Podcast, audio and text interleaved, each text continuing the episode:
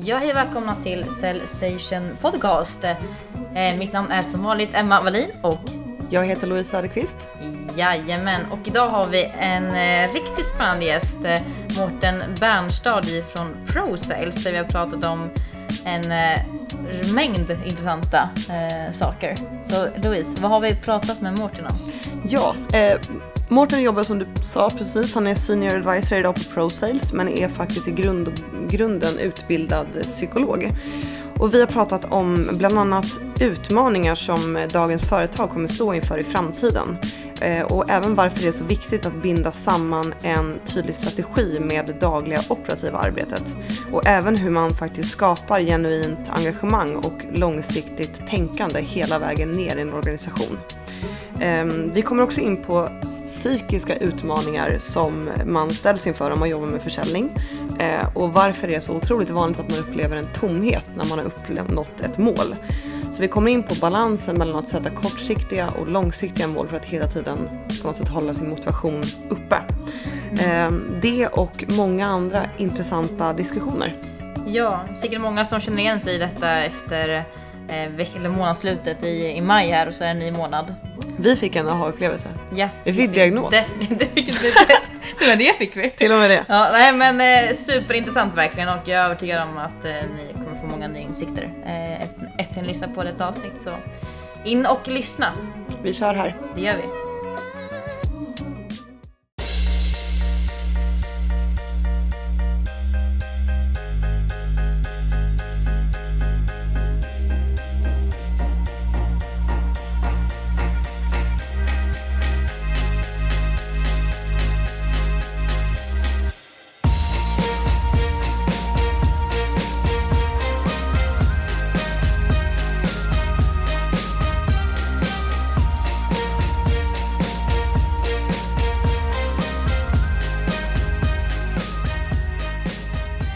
Mårten Bernstad, Ja, hjärtligt välkommen till Cellsation Podcast. tack så jättemycket. Kul att ha dig här. Ja. Ja, det är roligt att vara här. Mycket, mycket roligt. Men eh, Mårten, innan vi drar igång, eh, kan du berätta lite kort om dig själv för de som inte vet eh, vem du är? Ja, absolut. Jag har en lite annorlunda bakgrund för att vara i säljvärlden. Från början så är jag legitimerad psykolog. Eh, och det är vi inte sådär jättemånga som, som jobbar med sälj faktiskt. Eh, inte i alla fall som säger att de är säljare. Eh, men det är därifrån jag kommer och alldeles ursprungligen så, så var det så att jag var intresserad av arbetspsykologi och organisationspsykologi. Eh, och sedan så är det en förbaskat intressant utbildning så jag var intresserad av precis allt och började doktorera på spädbarns intelligensutveckling och neuropsykologi och sådär. Men, men eh, jag insåg att den akademiska världen inte riktigt... Eh, jag var inte gjord för den akademiska världen, så kan vi säga. Eh, så, så lägger jag skulden på mig. Jag, jag, det, jag ville framåt för mycket. Eh, kanske var för mycket säljande. Eh, och eh, jag gav mig istället in i näringslivet. Och eh, där blev jag mer och mer intresserad utav, utav säljpsykologi och utav eh, framförallt organisationspsykologi och arbetspsykologi i försäljning. Och sedan så har jag jobbat eh, med gränssnittet HR och sälj under stor del av min karriär i stora bolag. Men sen har jag dessutom eh, uppfunnit och, patenterat en produkt som jag har startat ett företag grundat på. Eh, så jag har, jag har en bakgrund kan man säga i HR, sälj och affärsutveckling. Mm. Det, det är vad jag Tre benen. Mm. Mm. Skulle du säga, för du, alltså, för du, du har ändå en, eh, enormt mycket kunskap inom just psykologi, vilket är en stor del liksom, av, av näringslivet som stort, på alla de Mm. delarna du, du nämner. Skulle du säga att så här, hur pass medvetna är människor om psykologi som ju ligger bakom så många Eller förstår du vad jag menar med den Ja. frågan? Ja, eh, jag tror jag förstår vad du menar. jag, jag väljer att tolka så, så att jag kan svara så här. Eh, vi är i Sverige, skulle jag säga, generellt medvetna, väl medvetna om det här. Mm. Det finns undantag naturligtvis, men, men väl medvetna om det.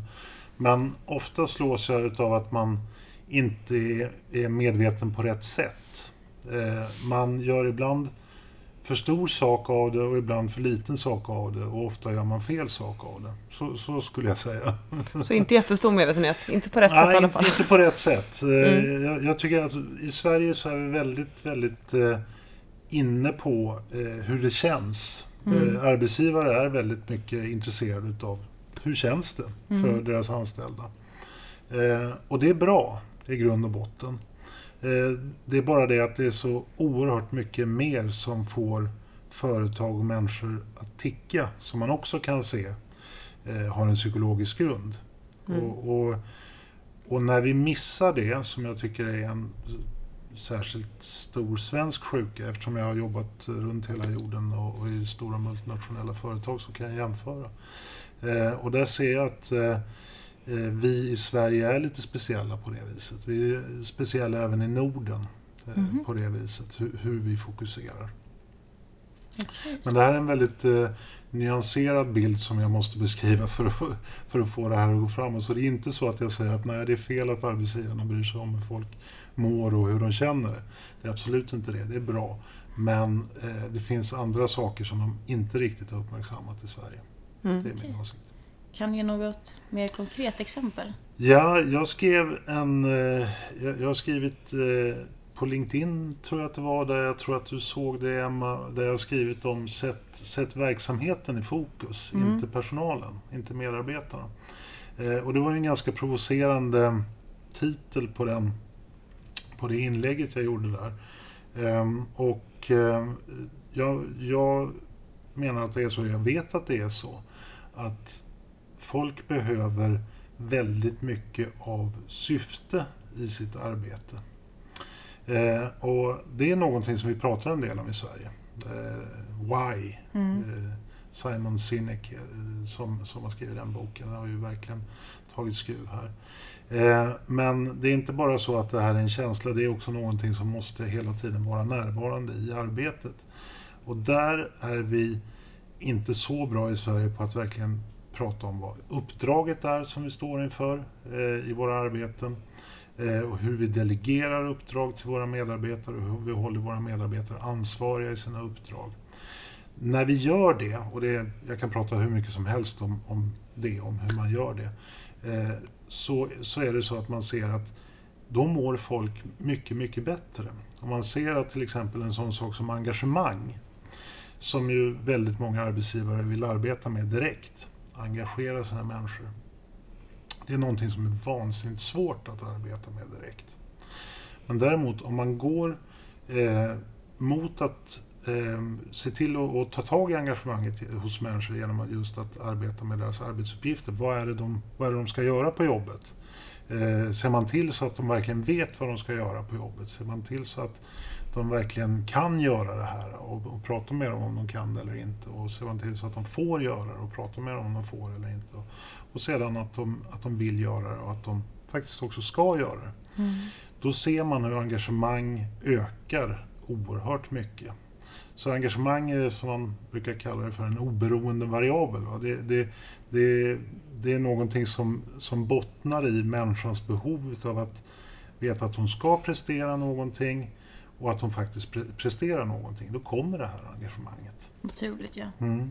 Mm. För det känns som att det nästan i många fall blir att man försöker locka vissa typer av personer, talanger som man snackar om på yngre företag med. Det är eh, förmåner hit och dit, det är bonusar, man får X, Y, Z. Men det är ju bara kortsiktigt. Det är engagemang nu, Ja. men sen så kommer en dipp. Ja. Nej, men det, alltså det är ju så att, Mm. att vi vet ju alla hur kul det är att köpa en ny bil. Ja. Och, och så tittar du på den en vecka när du lämnar den. Liksom, och sedan så, så Mm. är det så som det ska vara.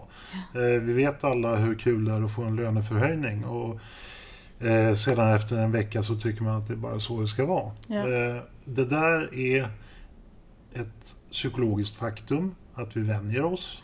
Eh, saker och ting står ut under en period tills dess att vi har, har vant oss vid det.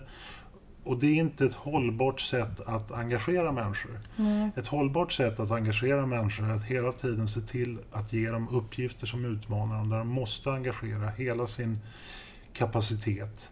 Eh, hålla dem ansvariga för det och prata med dem om hur det går. Det är någonting som när det gäller alla människor som överhuvudtaget är någonting att anställa. Det, det finns ju människor som, som inte har förutsättningar att arbeta, tyvärr. Men, men de som kan arbeta, eh, de, de glittrar till utav det där. De, de tycker det är kul. Mm. De, de ger sig på sina uppgifter. Och, och, engagemanget blir någonting som, som sköter sig själv till väldigt stor del. Mm, just det. Men det där kan jag också tycka är väldigt, eh, väldigt svårt. För jag tror att många som lyssnar på vår podd är ju verksamma inom sälj. Man är väldigt mm. målorienterade. Mm. Eh, någonting som eh, jag personligen möts av väldigt ofta är att man sätter upp mål för sig själv. Mm. Eh, och när man väl har nått ett mål mm. så får man någonstans man, man blir engagerad och man blir taggad och triggad. Ja, shit nu ska jag ta det här målet. Och så när man, när man väl är där så känner man sig helt tom. Eh, och så måste man helt vidare på nästa. Och sen är man där igen och tror att det någonstans bara jag når det här målet i form av karriär eller vad det må vara så då kommer man känna sig nöjd. Men man är ju aldrig nöjd. Eh, hur kan man jobba med det? För det är, också, det är ju samma lite beteende fast det är på personnivå. Jag kan tänka att många känner igen sig ja. i känslan. Precis, och det, det här är ju jättesvårt att prata om och göra någonting åt. För till stor del så lever ju arbetsgivare på precis det du beskriver. Mm. Eh, människor som finns i säljande positioner det är ju bra om de taggar på, på, de, här, eh, på de här målen som de sätter upp. Mm. Eh, det är jättebra på, för företaget. Det är eh, väldigt svårt om du inte har en motor att lyckas som säljare. Eh, och, och, om du inte har ett mål att sikta in den här motorn på så, så, är det ännu svårare. Och därför blir det så här att ja, det, Ska du vara en bra säljare så är det viktigt att du känner det här. Mm. att, du, att du verkligen vill uppnå någonting. Men sedan så kan ju det där bli eh, nästan en ett existentiell problematik liksom, som du beskriver. Man blir tom.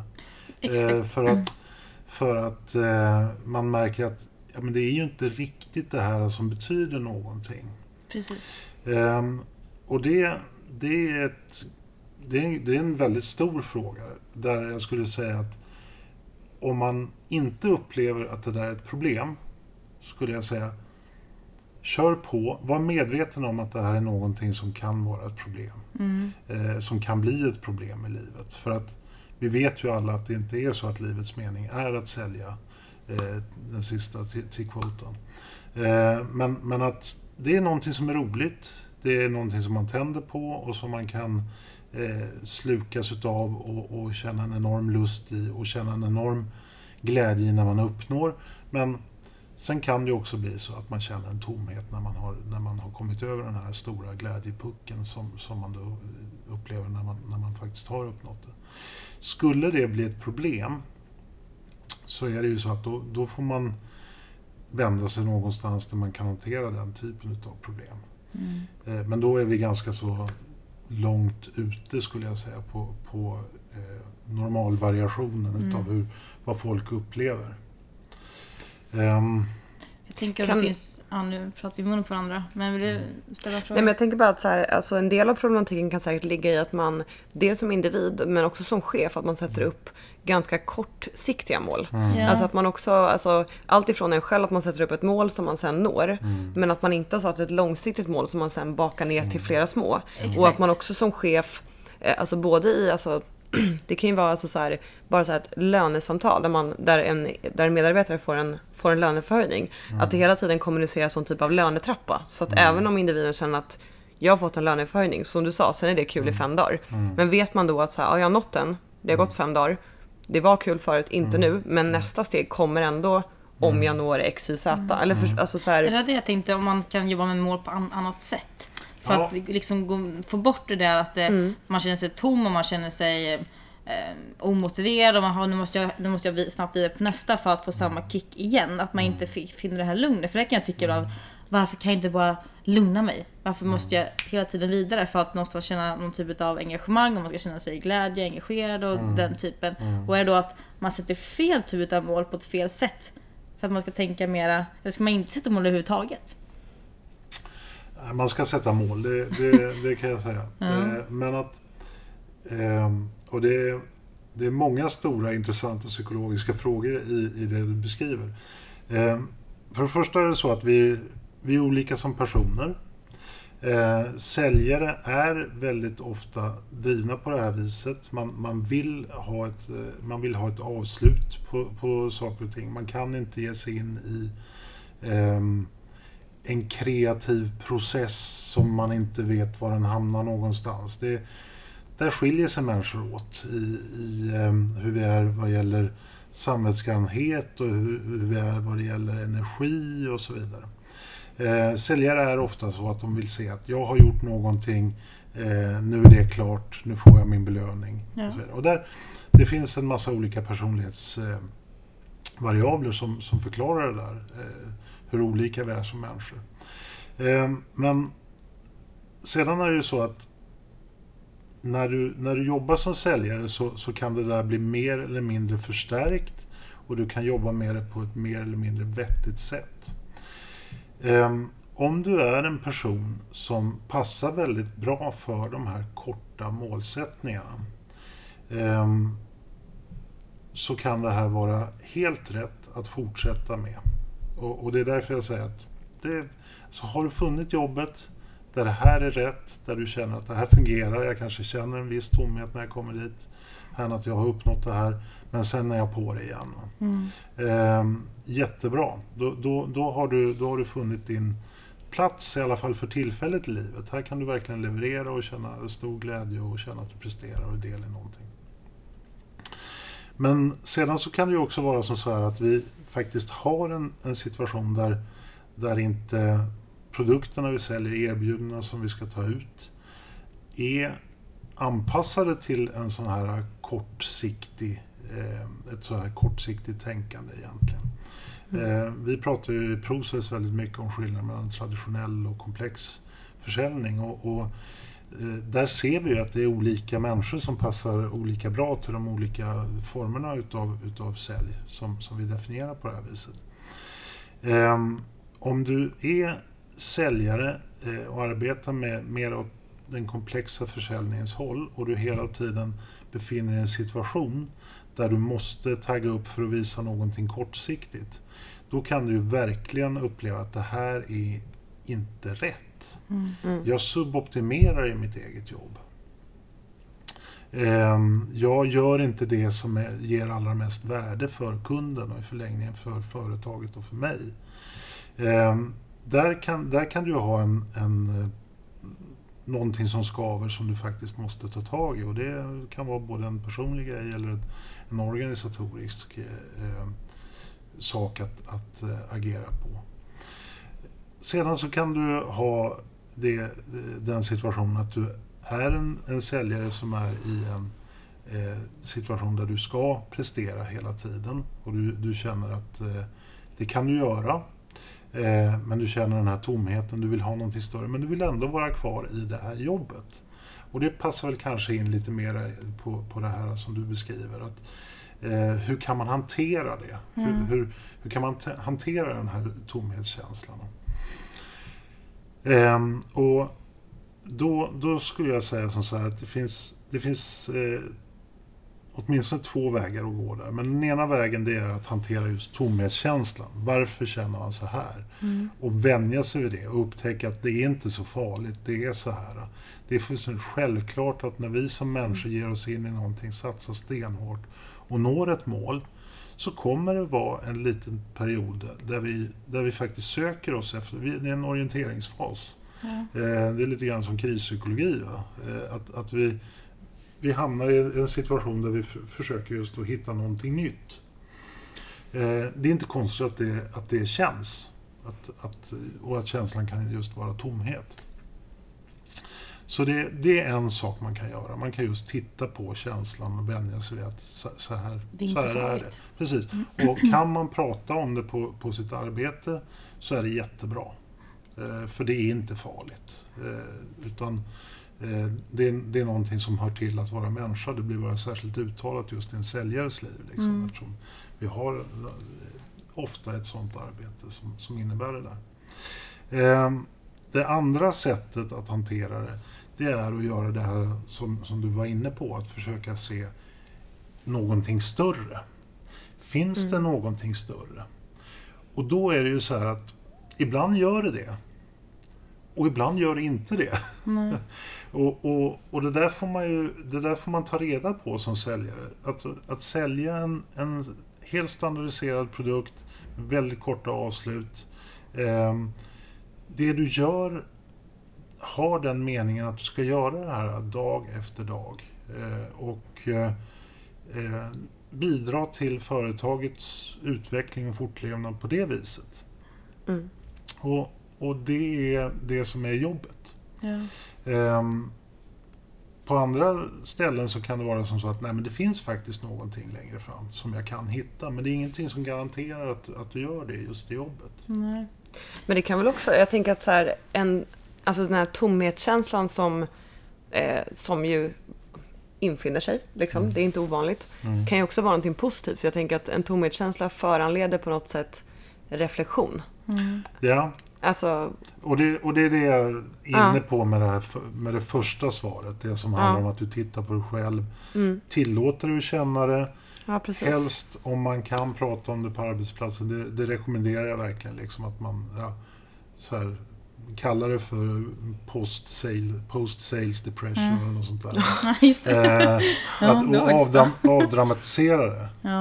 Eh, för för det, det är så mänskligt och det är Mm. kopplat till någonting som är mycket, mycket djupare än sälj så att säga.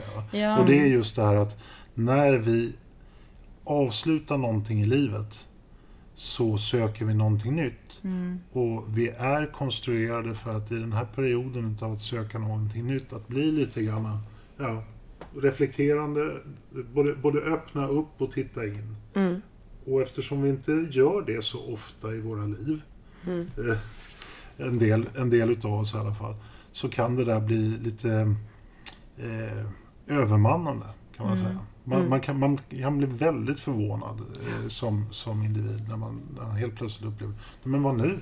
Nu har jag ju uppnått det jag skulle uppnå och då ska jag vara glad. Och så är man Exakt. inte det. Nej. Nej, men det, det är okej. Det, är- Mm. det är post-sales depression. och det är normalt. Ja. Ja. Och sen, så, och sen så, så, så hittar man eh, det nya målet och så ger man sig på det. Mm. Mm. För det är väl det också i sälj som man, som man känner ofta att så här, det är så kort tid man firar det Ja. målet man faktiskt uppnått när man har spenderat väldigt Mm. lång tid. För att Mm. sen kommer det en, en ny månad, ett nytt kvartal eller hur man nu, Mm. alltså så här, hur man nu, Mm. hur ens kopior nu är uppsatta eller vad man ska säga. Ja. Och man har så kort tid på sig att så här, okej, jag Känner ju klarar det. liksom. Och sen dagen efter börjar man på noll. Alltså Ja. på något sätt. Ja, och, och det, det är ju återigen en, en organisatorisk fråga. Alltså, Mm. Kan man prata om det här? Kan man hantera det här i arbetsgruppen? Och där, för, för att ge ett snabbt tips så skulle jag säga som så här. Om, om man har den här tydliga cykeln, Mm. tidscykeln i sin verksamhet. Eh, värdesätt den. Det är inte fel med cykler i livet. Eh, det, det, det är någonting som, som man verkligen kan göra ja, så att säga, skapa traditioner kring, skapa happenings kring och så vidare. Och en del av den happening är, är att efter att man har uppnått målen pusta ut, eh, Mm. tillåta sig att känna eh, post-sales depression och sedan eh, ge sig på det här. Och det, det kan ju ta lite tid. Mm. Där får man se vad, vad, man, eh, vad man har råd att ge sig själv som organisation Mm. för, för, att, eh, för att uppleva det. Mm. Mm. Och sen sik- sikta nytt. Mm. Ja, det är in- intressanta frågeställningar. För det kan ju också vara liksom utanför eh, det faktiska jobbet också. Mer som är mer Absolut. personliga mål. Och det är Mm. där kanske är ännu svårare. Ja. För att man tror att man ska nå X och Z på mycket större plan. Så man Ja. har gjort det. För man tror någonstans att det ska, man ska finna glädjen i det. ja, Och att man då ska vara absolut. klar. Ja. Men då, det är helt andra större Ja. frågeställningar. Så det kanske vi inte ska gå in på nu. Nej. Men det ändå... Men man kan säga en sak om det. Att det, det är liksom så här att jaga inte lyckan. Nej, Gör exakt. det du är intresserad av. Sen så kommer lyckan som en bonus. Exakt. Så funkar livet. Exakt. Och det är väl här som många börjar i fel ände fortfarande. Ja. Att man tror att okej, bara jag får detta, då kommer allt vara Mm. frid och fröjd. Och därför man bara fortsätter jaga, jaga, jaga, jaga, jaga. Mm. Man, det är bara en inre stress och ångest och sådana saker. Men, eh, ja. Vad heter post? Post Sales Depression. Jag, Ja, jag kom post- på det nu. Nej, det, var, det var riktigt jag- bra Fantastiskt. faktiskt. Det var riktigt, riktigt bra. Bästa jag hört. Ja. Ja, Okej, ja, nu känner ni igen det. Jag har aldrig blivit, Ja, ja. jag har aldrig blivit diagnostiserad så Nej, snabbt. men, exakt. Det var såhär, ja, det skriver jag under på. Ja, riktigt, bra. Men hur kan man eh, skapa då en mer syftesdriven eh, organisation? För just det här vi är inne på nu eh, med engagemang och millennials som man snackar så mycket om att de är syftesdrivna, de vill ha ett varför och sådana saker. Men hur kan man skapa det eh, hos ett, i, en, i en organisation mer Ja. naturligt? Det där, det där är ju en så himla kul fråga att få. Ja. För att jag, jag menar att det här gör så många så fel. Ehm, Det, det här är ju, jag kommer ju från HR till stor del. Har jag tillbringat mitt liv i HR. Och i- HR så tänker man då att vi måste ha en vision, vi måste ha mission, vi måste ha värderingar och allting sånt. Och jag, jag, jag säger inte att det är fel, men det finns någonting som är ännu mera kärna än vad det är. Och det är faktiskt verksamheten. Vad vi gör på jobbet, varför vi överhuvudtaget existerar. Då kan man säga att det är visioner och visioner. Och. Men, men jag, jag menar det som är mer, mer verksamhetsnära än så. Ehm, och, och det är därifrån du ska bygga. Ehm, mitt favoritexempel är Amazon. Mm-hmm. Världens mest framgångsrika företag, världens högst värderade företag. Hur många människor som helst anställda. Ehm, och Amazon är ett bolag som faktiskt är känt för att det inte var sådär supertrevligt att, att jobba i. Alla, jag vet inte om det är så eller inte, jag har aldrig jobbat där själv. Men att eh, det har varit en hel del skriverier om, är det här ett så himla trevligt företag att arbeta i? Trots detta så, så lyckas de bättre än någon annan, rent på objektiva mätetavlor. Eh, rent affärsmässigt, verksamhetsmässigt. Och de lyckas attrahera en fruktansvärd massa talangfulla människor. Mm. Det här bör inte gå ihop utifrån en HR-persons perspektiv. Liksom. Mm. Det, det, det hänger inte samman. Det, då ska man ju ha en jätte nice organisation liksom, för att det ska vara på det viset. Och då menar jag att som, som jag förstår efter att ha läst en hel del om Amazon, det har blivit lite nörderi för mig liksom, att titta in i Amazon, eh, så menar jag att det handlar, det handlar om att vad Jeff Bezos gör är att han sätter verksamheten så oerhört centralt och han driver den så oerhört långsiktigt. Och det märks i hela organisationen på det viset att folk har någonting oerhört stort att arbeta mot. Ett favoritcitat från Jeff Bezos eh, som jag brukar dra det är att när jag tittar mig omkring så ser jag företag, säger han då, som, som tänker tre år framåt. Om jag tittar tio år och mer än det framåt och tänker vad kan vi göra på den tiden? Så har jag slagit de andra företagen redan på pappret. Mm. Vi kan göra så mycket mer. Och så säger han Time, horizon, time horizons matter. They matter a lot. Och där tror jag att du har kärnan i det som är verkligen vad som kan ge folk en, en känsla av varför.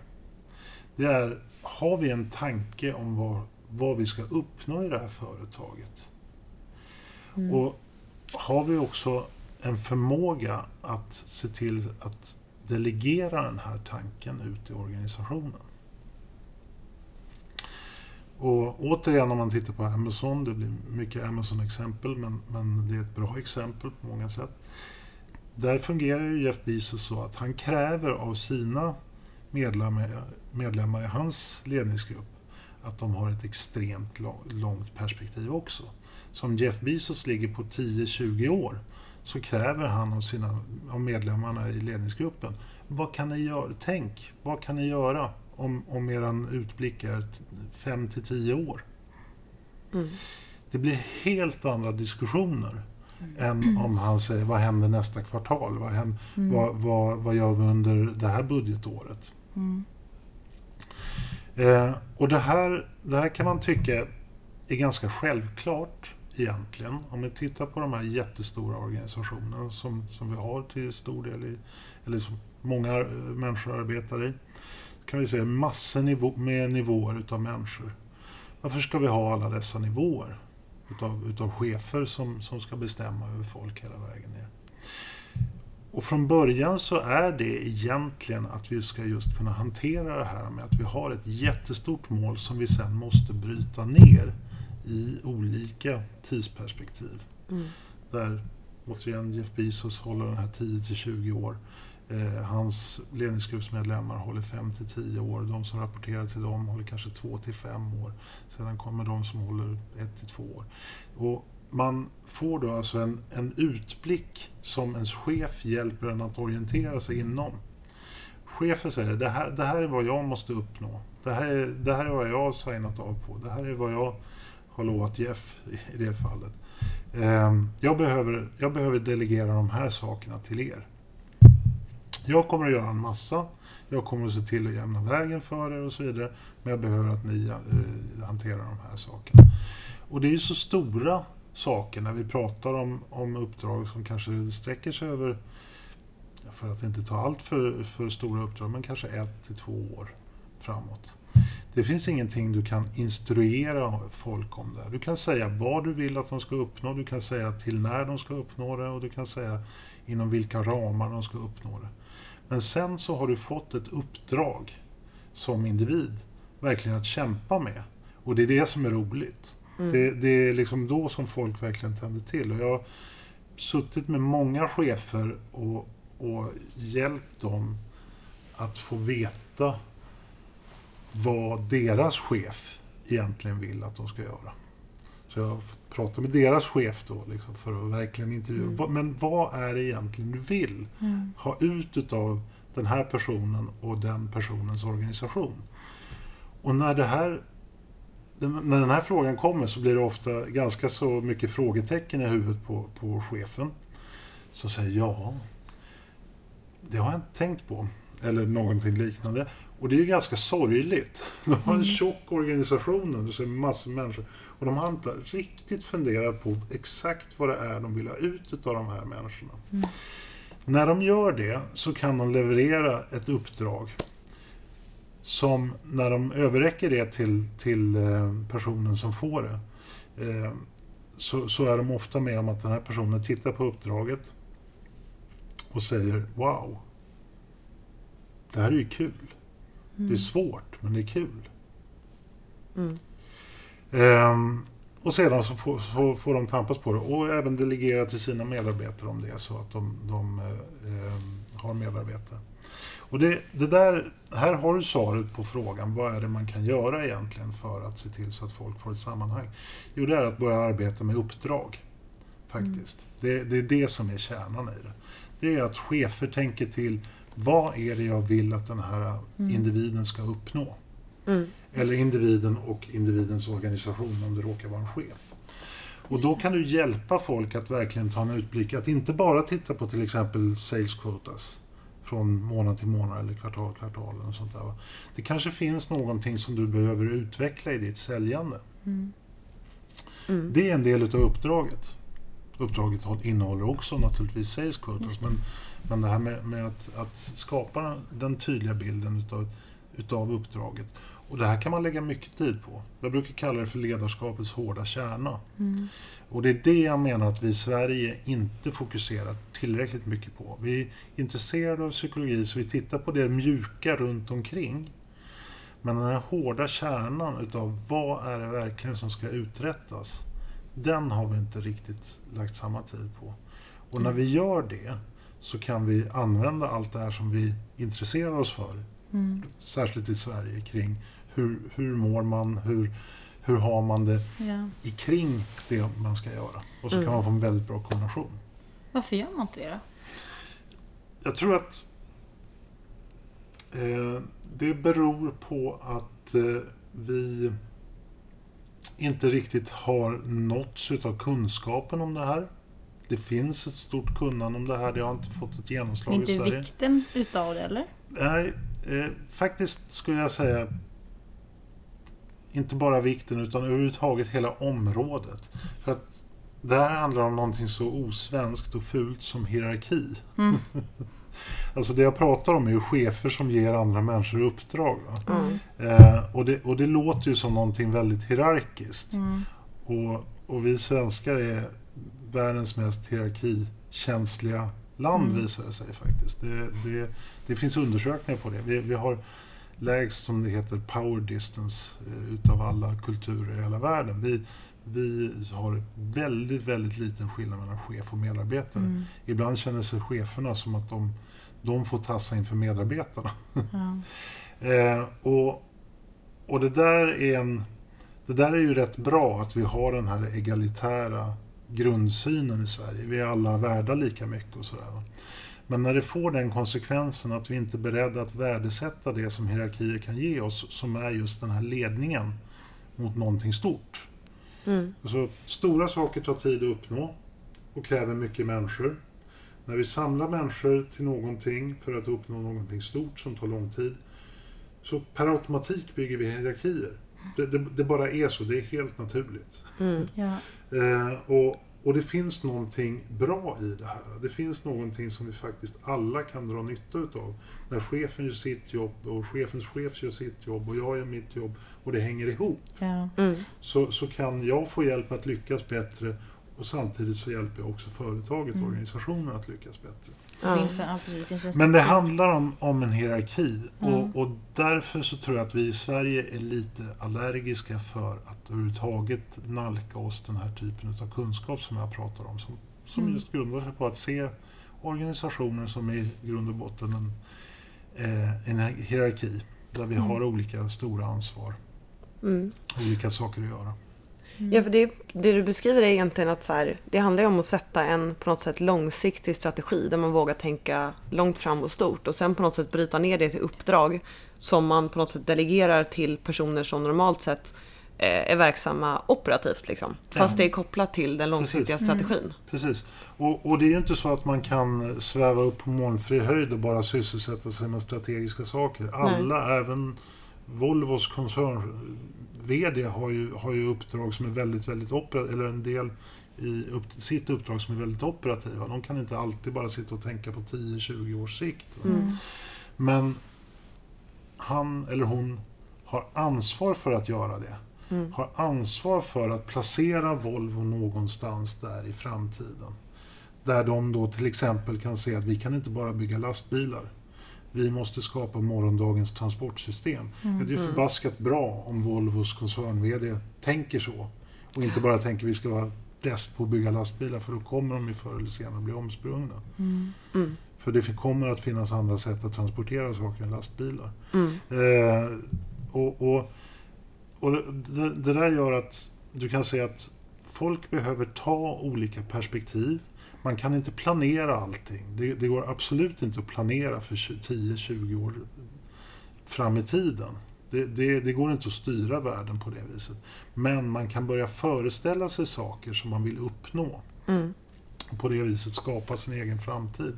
När vi då pratar om de här riktigt strategiska arbetena som finns, ett inte alltför stort antal, men ändå i, i, i, vår, i vårt samhälle, så, så finns det en del individer som har det. Det är oerhört viktigt att de verkligen tar det här ansvaret. De kommer behöva massor med folk för att hjälpa dem med analyser och planering och allting sånt som kommer sen.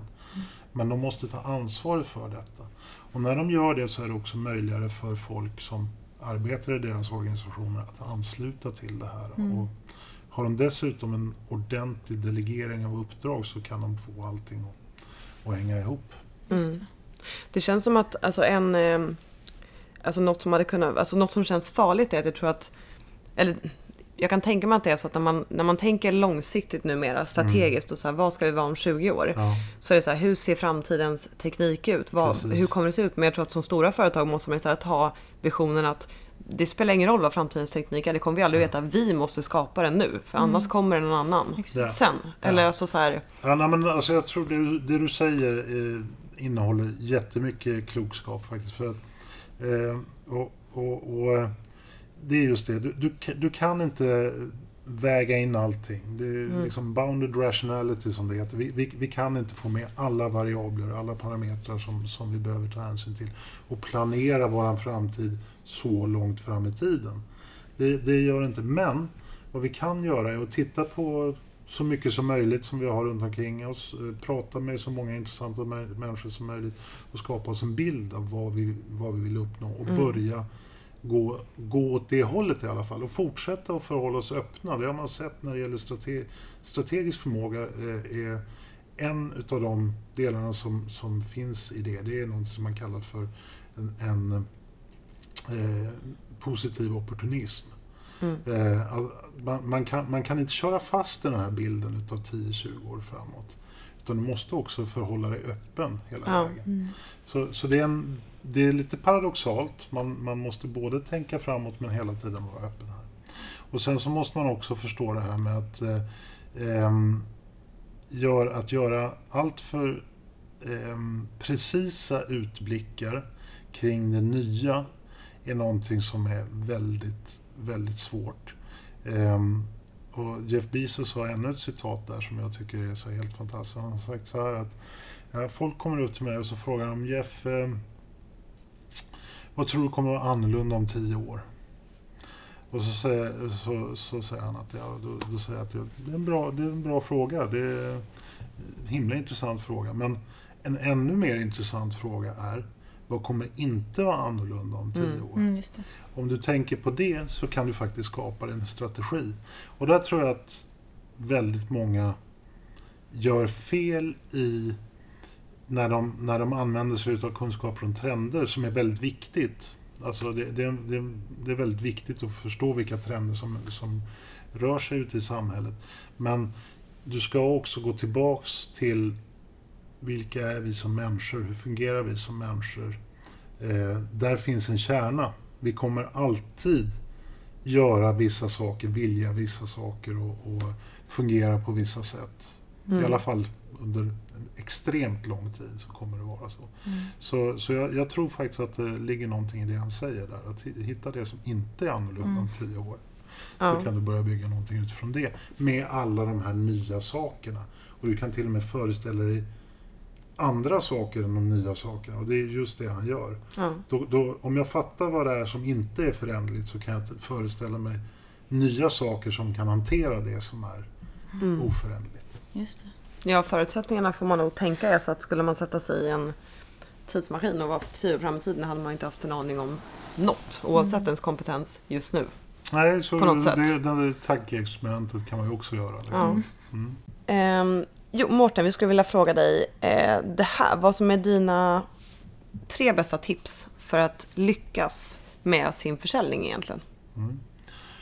Det, alltså det, det är ju ett jätteområde. Det är det. Och när du säger tre bästa tips, då tänker jag direkt på, eftersom jag arbetar i ProSales, så, Mm. så eh, tänker jag att jag kommer att svära i kyrkan lite grann eftersom vi alltid är så noggranna med att visa på hela vad vi kallar för commercial excellence model och hur den beror på kundlogik och inriktning och struktur Mm. och processer och styrning och individer och kultur och så vidare. Eh, och så massor med underdelar i det. Så att det blir ju en väldigt beskuren bild liksom sådär, eh, när jag säger tre bästa tips. Men, men jag skulle säga att ett väldigt bra tips är att titta på struktur. Och det är också ett väldigt, väldigt underskattat område. Och det går tillbaks på det som jag pratade om tidigare med det här med att vad är det egentligen för någonting som eh, ligger som uppdrag för organisationen. Mm. För där kan du göra vansinnigt mycket för att folk ska kunna både arbeta effektivt tillsammans och känna en väldig, eh, ett väldigt engagemang i sitt arbete och eh, finna uttryck för alla de kompetenser de besitter om du gör det här. Eh, för att när man, när man tittar på uppdrag, vad man vet om uppdrag, det är, det är då det att det finns en del väldigt stora uppdrag som, som kräver väldigt många människor och väldigt lång tid. Mm. Till exempel om du sitter som, som säljdirektör i ett bolag så, så kan du ha ett uppdrag som nå, ligger någonstans mellan två och fem år egentligen. Det är inte alla som, som ser det men, men det bör ligga någonstans där för att du bör hantera frågor som, som innebär att du ska linea upp parallella processer som ska leda till någonting i slutändan tillsammans. Till exempel, jag måste som säljdirektör se till så att vårt sätt att sälja eh, förändras från att vara produktförsäljning till att vara en lösningsförsäljning eller försäljning av service.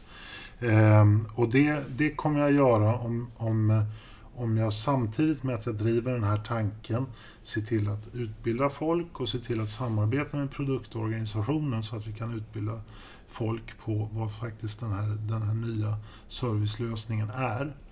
Ehm, jag måste se till att skapa nya system för belöning utav folk som inte belönar dem på att sälja produkter väldigt kortsiktigt utan de måste gå in hos kunden och arbeta långsiktigt eh, hos dem. Det kommer vara många olika stakeholders hos kunden som måste inblandas i det. Eh, så det är många olika saker som man måste göra och många olika saker i en stor organisation, ja, det tar tid. Mm. Eh, men eh, det är ändå en ofta en säljdirektörs uppgift att ta ansvar för helheten här. Ehm, sedan så kommer han att behöva ha säljchefer till exempel, marknadschefer, som, som arbetar med ett något kortare tidsperspektiv. Så, saker som måste göras. Vi, vi måste, jag måste som, som säljchef se till att eh, rekrytera in specifikt de här, de här säljarna som kan, som kan börja fylla skorna som, som vi pratar om att vi ska fylla. Eh, det kommer att vara någonting som innebär att jag kommer att få arbeta under lång tid med att rekrytera. Kanske några år när jag samtidigt också får mina säljare utbildade i eh, Acme School mm. eh, som, som lär oss sälja på ett nytt sätt. Eh, och, och säljcheferna får, får då eh, en, en möjlighet att gå in i det här uppdraget, se det större uppdraget och se sin del i, i det här uppdraget. Eh, deras Key Account Managers därunder kanske kan se att de arbetar med kunder på upp till ett års sikt med stora kundprojekt eh, som, som de måste driva igenom. Där eh, deras kundansvar fortsätter långt efter ett år. Men, men där man ser att det, det här som vi nu ska uppnå tillsammans med kunden, det, det tar det tid. Mm. Och där får man en väldigt naturlig eh, fördelning utav arbetsuppgifterna med, med säljdirektörens eh, stora, allra största fokus så att säga och säljcheferna som, som pitchar in därefteråt och kammarna där, därefteråt. Ehm, och det är inte alltid man har strukturerat upp organisationen på det viset. Och när man inte strukturerar upp organisationen på det här viset, då, då vet man eh, vad som händer. Till exempel kammarna som är beroende av säljcheferna eh, är lagda under säljdirektören så kommer de att börja springa till säljdirektören och fråga om saker som säljdirektören tycker är 90 gritty. De måste ner i spenaten och fixa grejer. Mm. De, de, de, har inte tid för det, de har inte orken, de har inte lusten. Eh, de har saker som, som, eh, som måste göras som, som kräver deras uppmärksamhet på ett annat sätt. Det som händer är att säljdirektören känner sig som att det är high maintenance på kamkåren och kamkåren känner det som att säljdirektören är på molnfri höjd. Bryr sig inte om oss. Mm. Man slutar fråga och så börjar man agera. Så att, har de istället en säljchef som de kan komma till med de här frågorna och hela tiden ta upp rätt saker och få rätt svar på, då är det oerhört mycket lättare att driva organisationen. Så det är en sak. Det är, det är, det är strukturen i säljorganisationen. Att titta på vad är det vi ska uppnå och hur fördelar vi det i, i mm. uppdrag. Och det här är en jättestor kunskap så det är, det är väldigt svårt att applicera den direkt bara efter att ha lyssnat på den här podden. Men, men, men det är verkligen ett tips eh, att ge sig in i den världen. Eh, för där, där kan man göra så oerhört mycket både för organisationen och för individerna, hur de trivs och, och vilken mening de känner i arbetet. Ehm, den an, det andra tipset jag skulle vilja ge, det, det handlar om när man nu har ett uppdrag, eller man kanske inte ens har ett uppdrag, men, men man förstår att man behöver ha ett uppdrag för att lyckas riktigt bra. Eh, så är det ändå så att då måste det finnas förutsättningar att lyckas i arbetet. Och det här är ett superintressant område som, som är väldigt väl utforskat här i Sverige faktiskt. Eh, flera svenska forskare som har tittat just på det här. Vad är det egentligen som behövs för att folk ska kunna göra ett så bra arbete som, som de faktiskt har potential att göra i ett uppdrag? Eh, och då, då ser man det som man egentligen försöker fånga, tror jag, i, i begreppet sales enablement. Eh, och, och, där är det ju så, man kan säga att ni är en del utav det eh, Sales Enablement-rörelsen. Se till så att folk har möjlighet att göra ett bra jobb genom system. Mm. Mm. Eh, men, det, men det är ju så att där har man just tittat på att Sales Enablement det blir lika med att ge folk system. Och där finns en risk som går tillbaka just på det här på att man ska ge folk så stora möjligheter som möjligt att lyckas. Att vara sales enabled, det är någonting som en individ är eller inte är. Mm. Du kan antingen ha en, en säljare som verkligen är preppad med, med eh, förutsättningar att sälja eller som inte är. Och det är det du ska titta på. Hur uppfattar individen det? Och där ser man att, att individer kan, kan eh, vara preppade på det viset att de vet vad som ska göras. De kan göra det, får göra det, vill göra det, ska göra det som jag nämnde tidigare. Men eh, det är det som är det viktiga. Känner de det eller känner de det inte? Det är det som kommer att avgöra om de verkligen är sales enabled och om du som, har, som ledare för organisationen kommer att få se att de, de är det eller inte.